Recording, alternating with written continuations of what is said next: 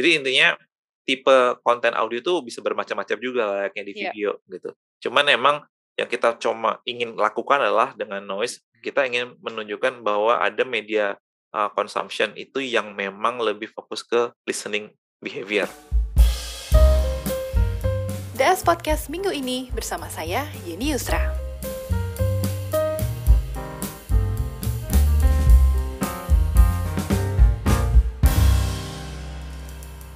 Hai Rado, apa kabar? Halo Yeni, thank you, thank you for having me. Kabar baik Thank di you, sini. thank you juga ya menyempatkan waktu ngobrol sama Daily Sosial. Ini seru banget karena Noise sekarang eh, lagi happening banget ya, baru dapat funding.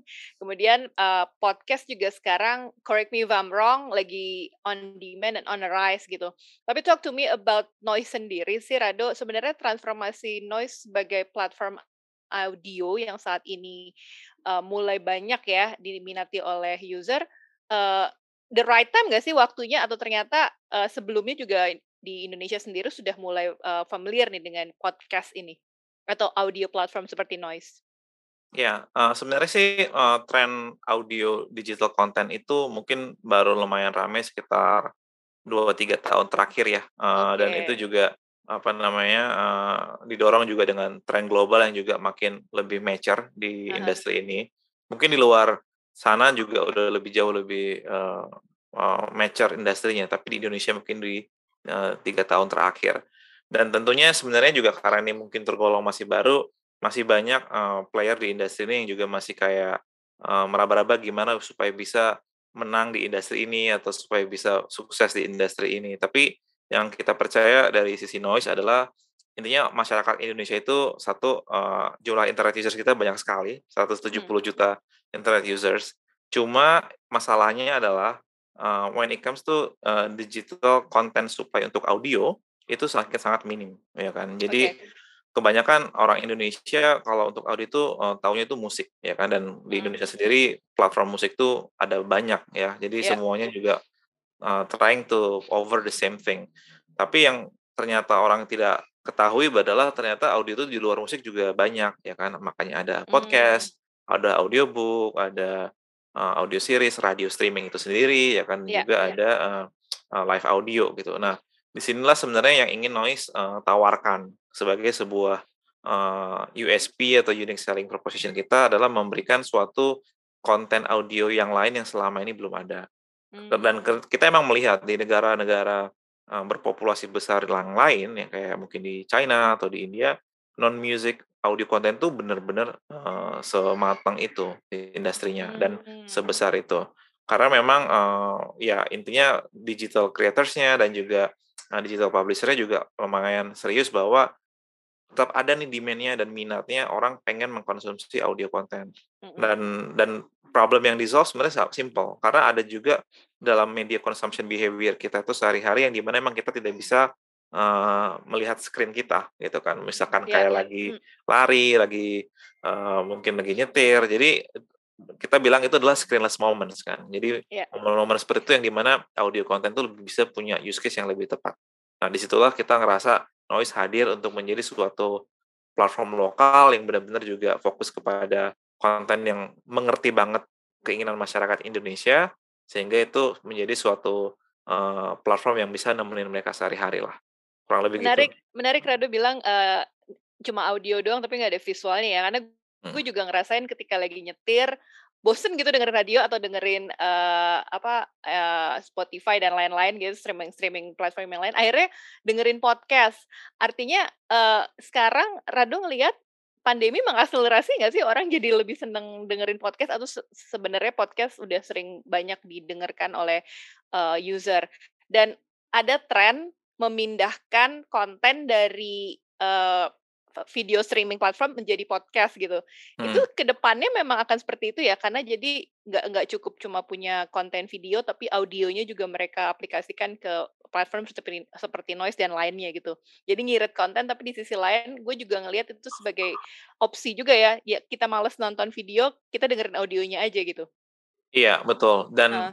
uh, maksudnya mungkin selama ini kan orang-orang kadang-kadang sebagai anggaplah kita sebagai kreator atau sebagai uh, video owner gitu ya mungkin mereka merasa ya ya kalau emang kadang-kadang ada audiens saya pengen mengkonsumsi konten saya saat dia sedang mungkin menjelang tidur atau yang atau lagi Heeh. sambil olahraga, ya dia buat aja versi audionya bisa juga gitu kan. Iya.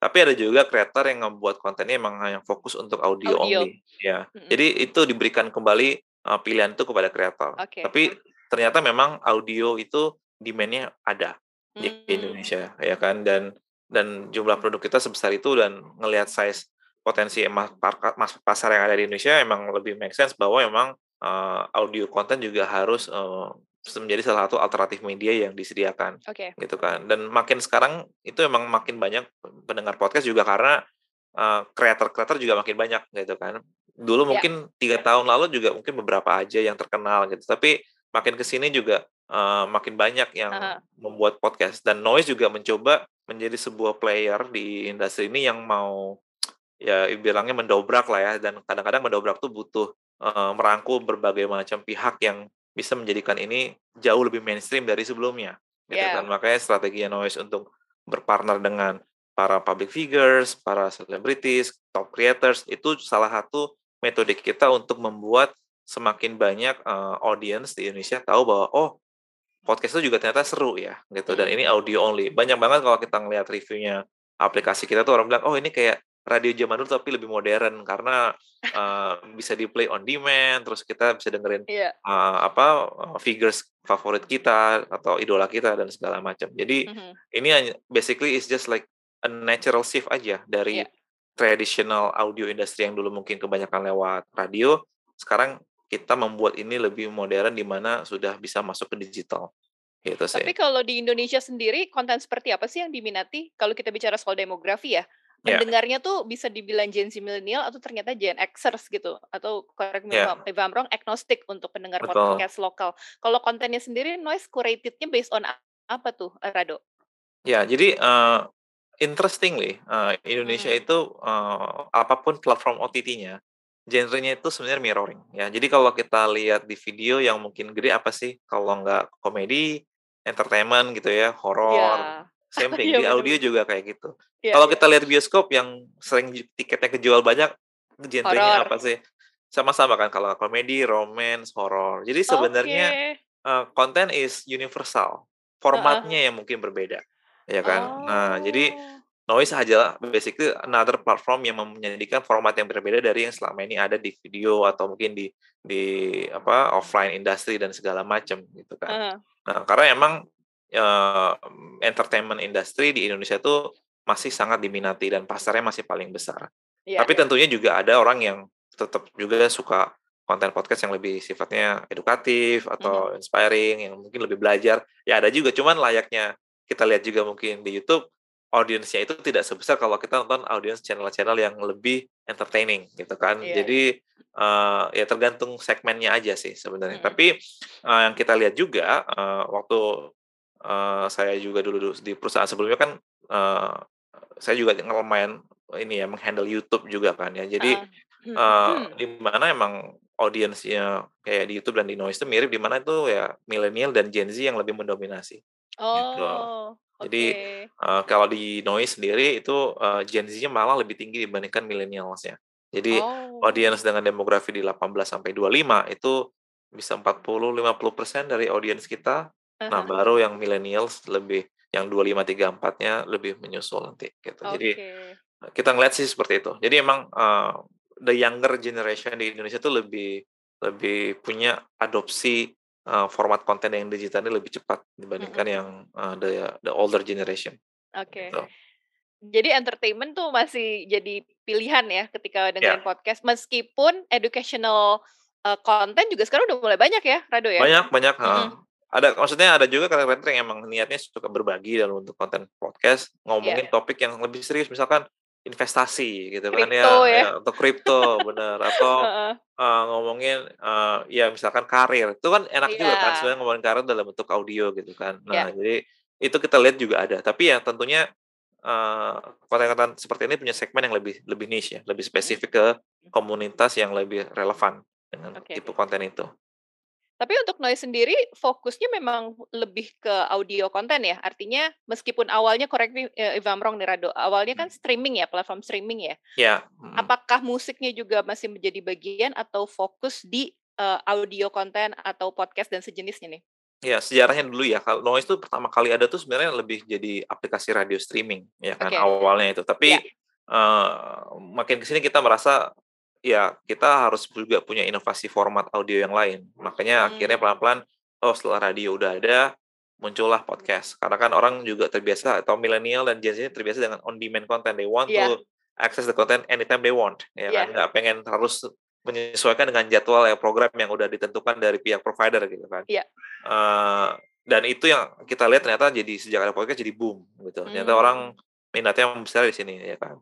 Uh, dan di situ kita ngerasa juga setelah podcast apalagi oh orang juga pengen mungkin uh, mengakses konten buku tapi dibacain jadi kita makanya juga launching audiobook gitu kan yeah. nah terus yang terbaru kita juga buat namanya audio series yang di mana kayak layaknya TV series tapi ini dalam bentuk audio hmm. gitu jadi intinya tipe konten audio tuh bisa bermacam-macam juga layaknya di iya. video yeah. gitu cuman emang yang kita cuma ingin lakukan adalah dengan noise kita ingin menunjukkan bahwa ada media uh, consumption itu yang memang lebih fokus ke listening behavior, hmm. right? Dibandingkan uh, hanya selalu on screen behavior, gitu. Okay. Gitu Untuk sih. monetis uh, monetisasinya seperti apa? Karena kalau menurut gue pribadi ya, gue hmm. don't mind dengerin iklan kalau gue disuguhi konten on demand yang sesuai selera gue dan yeah. kualitas gitu. Kalau hmm. di Noise gimana untuk apakah ads atau yeah. subscription? Ya, jadi uh, kalau kita lihat sendiri kan sebenarnya Noise itu adalah media tech company, ya yeah. kan? Uh, dan any media ujung-ujungnya adalah mereka ingin mendapatkan atensi dan waktu dari audiensnya. Nah, yeah. ketika di atensi itu sudah didapatkan, artinya ada opportunity di mana brand juga jadi tertarik, ya, advertiser jadi tertarik, karena mereka ingin merangkul audiens yang kita punya untuk diekspos dengan brand mereka. Dan itu kenapa juga Noise sekarang juga sedang uh, fokus untuk gimana kita sudah mulai ketok ketok-ketok pintu ke para pengiklan, ke para agensi media untuk eh ayo dong kita bisa beriklan di tempat kita juga. Kita udah bisa nih uh, konten-konten kita atau platform kita di munculin iklan. Dan kita akan makin lebih uh, heavy lagi, lebih double down lagi uh, effort kita untuk bisa merangkul para uh, advertisers untuk juga bisa beriklan di noise gitu. Tapi itu salah oh. satu sisi aja ya yang sifatnya iklan. Yeah. Uh, tapi juga ada uh, sisi lain yang di mana kita ingin monetisasinya itu datang dari uh, penggunanya langsung, di mana pengguna bisa mungkin uh, spend uh, beberapa rupiah untuk bisa mengakses konten premium yang memang mungkin buat mereka ini layak nih uh, gue bayar karena kontennya bagus banget atau gue yeah. suka banget sama creator ini jadi karena gue ngefans karena gue suka kontennya I'm okay to pay for it. Jadi uh, logically noise bisnis modelnya revenue modelnya lebih kita bilang sebagai freemium ya. Jadi ada konten yang hmm. bisa diakses secara free dan kita akan mungkin lebih monetisasi di arah uh, advertising atau uh, beriklan dari sisi para brands dan yang kedua adalah dari sisi user supported revenue. Oke. Okay. Gitu. Ini gak gue penasaran sebenarnya kalau di konten audio atau podcast sendiri idealnya tuh konten yang everlasting apa yang lagi happening sekarang sih Rado yang ternyata jadi diminati. Yeah. Karena kan kalau kita nonton berita kan uh, kayaknya kalau yang yang up to date tuh yang lebih banyak tuh. Tapi kalau podcast ada kategorinya nggak sih atau ada uh, apa favoritnya? Ya, yeah, dua-duanya actually works ya. Ada oh. kita ada podcast uh, uh, punyanya Mas Panji yang hiduplah Indonesia Maya. Okay. Dia ngebahas apa yang sedang trending saat ini ya, hmm. ya secara monolog. Sa uh, gue salah satu pendengar setianya dan gue suka okay. banget gitu. Tapi ada juga podcast-podcast yang ngebahas sesuatu yang sifatnya everlasting atau evergreen yang mau dengerin hari ini, mau dengerin tahun depan tetap tetap relevan gitu. Yeah. Nah itu juga works work aja gitu. Jadi sebenarnya sih uh, ini kita kembalikan ke para creatorsnya, ke para okay. uh, ibaratnya people behind the creative gitu kan mau hmm. buat yang trending atau yang everlasting asalkan dia punya suatu konsep dan uh, kemampuan memproduksi konten yang menarik harusnya sih konten dia akan diminati gitu okay. sih. Oke, seru juga ya karena kalau kita lihat kan um, kalau gue ngeliat sih kontennya correct me if I'm wrong lagi nih Rado. Hmm. Kreatornya itu harus yang terkenal kayak Panji, kayak Deddy Kobusier nggak sih yang baru-baru ini di menggandeng oh. barengan sama Noise ya? yeah. Karena gue juga pendengar uh, podcast di Amrik ya, Joe hmm. Rogan hmm. ya. Yeah. Dia kan gede-gedean banget tuh di hmm. uh, apa istilahnya diakuisisi atau ya pokoknya hanya eksklusif di Spotify. Yeah. Lo ngelihatnya emang big kreator yang lebih banyak didengar atau kreator-kreator baru nih yang punya materi bagus, mereka masih kalah nih sama big kreator ini di podcast yeah. world. Uh, kalau gue sih sebenarnya gini, bilangnya adalah uh, kita ngelihatnya gini uh, bahwa kreator-kreator besar yang kita rangkul itu lebih untuk ibarat kita ingin menjadikan mereka sebagai uh, good examples tentang okay. bagaimana membuat konten audio yang baik, ya kan. Okay. Uh, dan kedua adalah untuk membuat uh, the awareness about podcast itu jauh lebih cepat untuk dipahami uh, oleh orang kebanyakan hmm. gitu ya kan. Nah next stage-nya atau sebenarnya stage yang lagi kita lakukan adalah sekarang mulailah kita sekarang mengembangkan para creators uh, yang dari community yang sifatnya memang uh, mungkin bukan orang terkenal tapi bisa jadi untuk membuat konten audio mereka bisa punya konsep yang menarik dan unik dan bisa jadi diminati. Nah, yeah. jadi strateginya kita tuh lumayan lumayan clear. Jadi kita uh, set the tone, ya kan, bring the awareness, set the standard. Nah, langsung kan orang rasa kayak seru juga ya bisa jadi yeah. kayak gitu, seru juga ya buat konten kayak gini. Nah, jadi dengan begitu mereka jadi kayak punya semacam guidance, oh gimana ya cara buatnya, tapi yang bisa tetap uh, menunjukkan diri saya yang otentik kalau nggak buat podcast gitu. Yeah. Nah, Nah, makanya kita baru-baru ini juga launching namanya program uh, Noise Maker, ya kan? Hmm. Jadi anyone can be a noise maker. Jadi itu sebutan kreatornya kita, ya kan? Kita juga launching Noise Maker Studio untuk mereka bisa uh, masukin kontennya ke noise. Jadi anyone can put their content on noise gitu kan. Okay. Nah, nanti ke depannya kita juga akan invest lebih banyak waktu dan juga effort untuk mengembangkan mereka, guide apa ngasih mereka guidance, ngasih mereka tips and trick, ngasih mereka workshop dan punya some sort of like gamification juga lah untuk hmm. kita juga termotivasi. Jadi, okay. nah itu yang mimpi yang kita ingin coba uh, lakukan, mengembangkan lebih banyak creators yang bisa jadi uh, bukan siapa-siapa sebelumnya, tapi uh, dengan menjadi seorang noise maker, dia bisa menjadi dapatkan uh, spotlight yang mungkin dia tidak bayangkan sebelumnya gitu. Jadi kita juga ada creator-creator yang sekarang tuh udah uh, besar di noise juga hmm. yang mungkin sebelumnya orang nggak tahu gitu. Mereka cuma awalnya pegawai kantoran doang, tapi yeah. membuat podcast bareng temennya bagus banget ya kan. Uh. Terus kita mikir ya udah kita jadiin noise original juga deh karena konsep podcast lo oke okay, gitu. Jadi kita yeah. ajak barengan gitu. Jadi so that something yang kita coba lakukan. Jadi sebenarnya apakah selalu yang nama besar enggak juga. Yang yeah, tidak juga. nama besar pun tetap punya opportunity yang bisa sukses yang uh, sama asalkan yeah konsep dan uh, keunikan podcastnya tuh sangat kuat dan dan orang tuh bisa ngerti kayak oke okay, this podcast is really interesting hmm. gitu. Seru ya kalau gue ngeliat sih kayak yang lagi tren di um, apa anak-anak muda sih anak-anak muda hidden gem gitu ya kalau nemu satu podcast yang ternyata cocok banget sama kita gitu karena gue iya. sebagai yeah. pen pendengar podcast gue juga suka browsing nih hmm. Rado oh gue gue pengen dengerin ini ah ternyata yeah. kalau ternyata cocok gitu ya akhirnya gue gue hmm. bookmark, yeah. gue gue download segala macam. Yeah. Ternyata di podcast se fleksibel itu ya. Iya, yeah, dan kita ngelihat uh, behaviornya pendengar podcast tuh, jadi gini, kita ngeliat tuh mereka tuh tendensinya bukan yang subscribe banyak podcast enggak, mungkin tiga empat yeah. different podcast, tapi ketika mereka subscribe itu ketika ada episode dari, dari podcast itu, uh -huh. tuh mereka selalu listen. Jadi yeah, yeah. mereka kayak punya loyaltinya tuh jadi tinggi, ya kan? Iya. Yeah agak beda dengan mungkin kalau di video kan kita bisa jumping from one channel to their channel easily gitu kan ya. Nah, tapi kalau di audio itu few but deep gitu. Jadi dan uh, pasti subscribe ya kalau mereka iya, langsung ya. pasti subscribe. Kalau ya. video kan kadang-kadang cuma dengar tapi belum tentu subscribe kan. Betul, betul. Uh -uh. Uh, jadi okay. uh, jadi yang kita lihat adalah emang tendensinya untuk audio listener tuh punya keunikan tersendiri bahwa emang yes. loyalty-nya tinggi. Nah, gitu. jadi itu yang ngerasa kita ngerasa kayaknya nanti ada opportunity juga yang terkait monetisasi yang memang gimana uh, fans tuh bisa berani atau mau ibaratnya spending untuk mendengarkan konten yang mungkin premium dari kreator favoritnya dia atau podcaster favoritnya dia gitu. Ya. Oke, ini kan baru aja Noise baru aja dapat funding ya uh, ya awal tahun ini. Sebenarnya Rado ngelihat sekarang nih udah banyak investor yang fokus ke audio konten podcast dan lainnya gitu ya. Ada beberapa visi malah yang fokus nih bukan cuma di Indonesia tapi dulu di negara lain funding ke platform seperti Noise gitu. Hmm. Menurut lu kenapa sih mereka akhirnya tertarik nih dengan uh, konsep ini? Sebenarnya bisa gue bilang new kreator ekonomi gak sih uh, podcast ini atau iya, ternyata yeah, for sure. bisa yeah. ya bisa dibilang kreator ekonomi ya? Kenapa akhirnya mereka tertarik dan Rado yang men, uh, apa yang ditawarkan Rado sebagai uh, penggiat startup di platform ini kepada mereka nih? Kenapa yeah. mereka percaya banget sama Rado hmm. dan tim?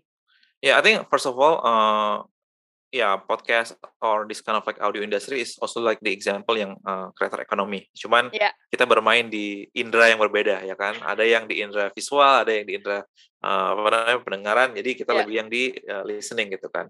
Uh, dan sebenarnya juga kenapa uh, ini jadi diminati para investor kalau menurut pandangan uh, gua adalah karena mereka udah melihat bahwa ini industri besar di negara lain ya kan yang yang juga mungkin punya market yang sebesar Indonesia or even lebih ya kan. Yeah.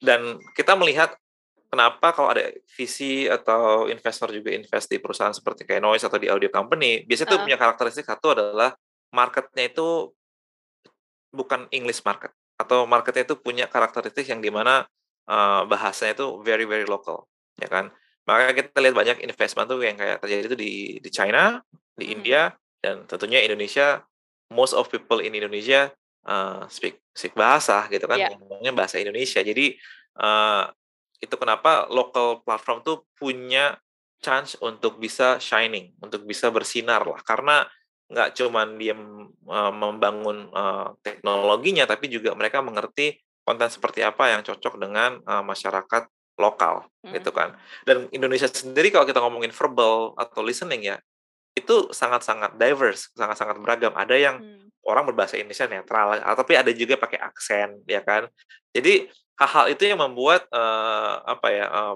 platform seperti noise itu tuh menjadi relevan yeah. karena kalau seandainya kita nyajiin konten mungkin yang beraksen Jawa itu mungkin sangat-sangat uh, apa ya umum didengar untuk gitu ya? relatable untuk orang-orang yang mungkin tinggal di Jawa Timur yeah. atau Jawa Tengah gitu kan. Uh. Nah jadi dibandingkan kalau orang berbahasa Indonesia yang seperti biasanya gitu. Nah yeah. jadi aspek-aspek itu yang noise tuh pengen emphasize, pengen tekankan untuk bahwa inilah yang uh, membuat nilai uniknya dari noise itu sendiri uh -huh. gitu. Ataupun audio company audio company di uh, negara lain okay. seperti itu bener-bener ya kalau podcast atau audio konten ini quality banget ya yang dikedepankan ya. Jadi iya. selama konten lo bagus dan ada value-nya, lo pasti punya bakalan punya subscriber.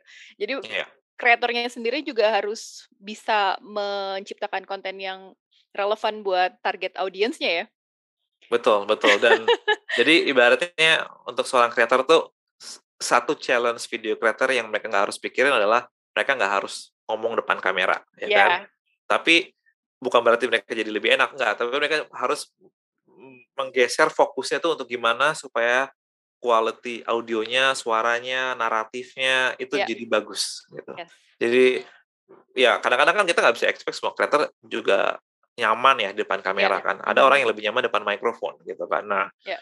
ya itulah yang creator-creator yang kita ingin munculkan di permukaan melalui noise, melalui program-programnya kita sehingga mereka juga bisa menjangkau audiens yang mungkin selama ini nggak mereka nggak sangka tuh bisa mendengarkan konten mereka gitu nah, sih. Kalau gue sih ngelihatnya kalau zaman dulu mungkin zamannya radio lagi jaya-jayanya kita memperlakukan radio as a friend ya. Kalau yeah. podcast ketika gue nemu channel yang sehati sama gue, gue ngelihatnya, aduh, lu sama banget sih pikirannya sama gue. iya iya.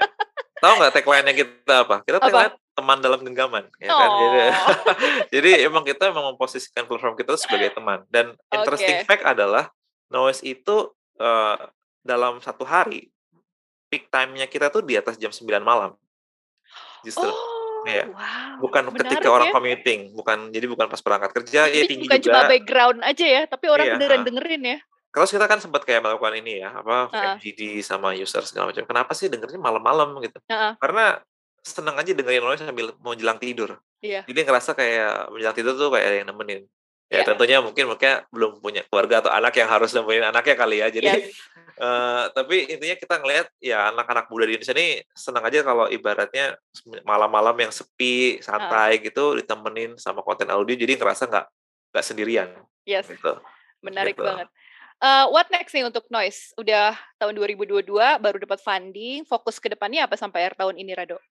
Uh, kita akan fokus tentunya untuk uh, build our infrastructure terkait monetization, ya kan. Okay. Jadi uh, akan mulai ada beberapa uh, development dari sisi teknologi yang memudahkan orang untuk bisa atau pertama memudahkan creator juga sudah bisa mulai uh, memonetize kontennya supaya kontennya itu bisa di set sebagai konten premium. Jadi oh, iya, fansnya iya. dia juga bisa bayar itu atau uh mengakses itu. Uh, dan kita juga akan mulai uh, double down our effort untuk mencari lebih banyak para pengiklan yang mau berkolaborasi dengan kita supaya brandnya juga bisa muncul di noise gitu kan. Hmm. jadi monetization is one big area yang akan kita lakukan. Uh, uh, dan yang kedua tentunya juga kita ingin uh, memperluas konten uh, partnership dan investment kita ya supaya mm-hmm. uh, konten kita juga lebih banyak lagi variasinya dan segala macam dan jadi user tuh ke noise tuh benar-benar kayak nggak uh, ada habisnya ini ada habis dari konten ini besok ada konten ini lagi jadi terus-terusan bisa uh, engage dengan uh, platform kita sih gitu. Oke, thank you Rado. Uh, seru banget nih Noise. Kita tunggu update selanjutnya dan inovasi hingga fitur baru ya dari Noise ya. Karena seperti yang gue bilang, gue podcast listener, jadi kayaknya seru gitu ketika ada platform seperti ini. Dan semoga uh, semoga tetap eksis ya, nggak nggak kalah sama banget. platform asing ya. Iya, tentunya dong. Kita harus membuat juga bangsa Indonesia yang sebesar ini punya platform lokal yang membanggakan. Oke, okay, thank you yeah. Rado atas waktunya Thank you Yani, ya. thank you Daily Sosial. Uh, update-nya. Siap. Oke, okay, bye-bye. Bye-bye. DS Podcast minggu ini bersama saya, Yeni Yusra.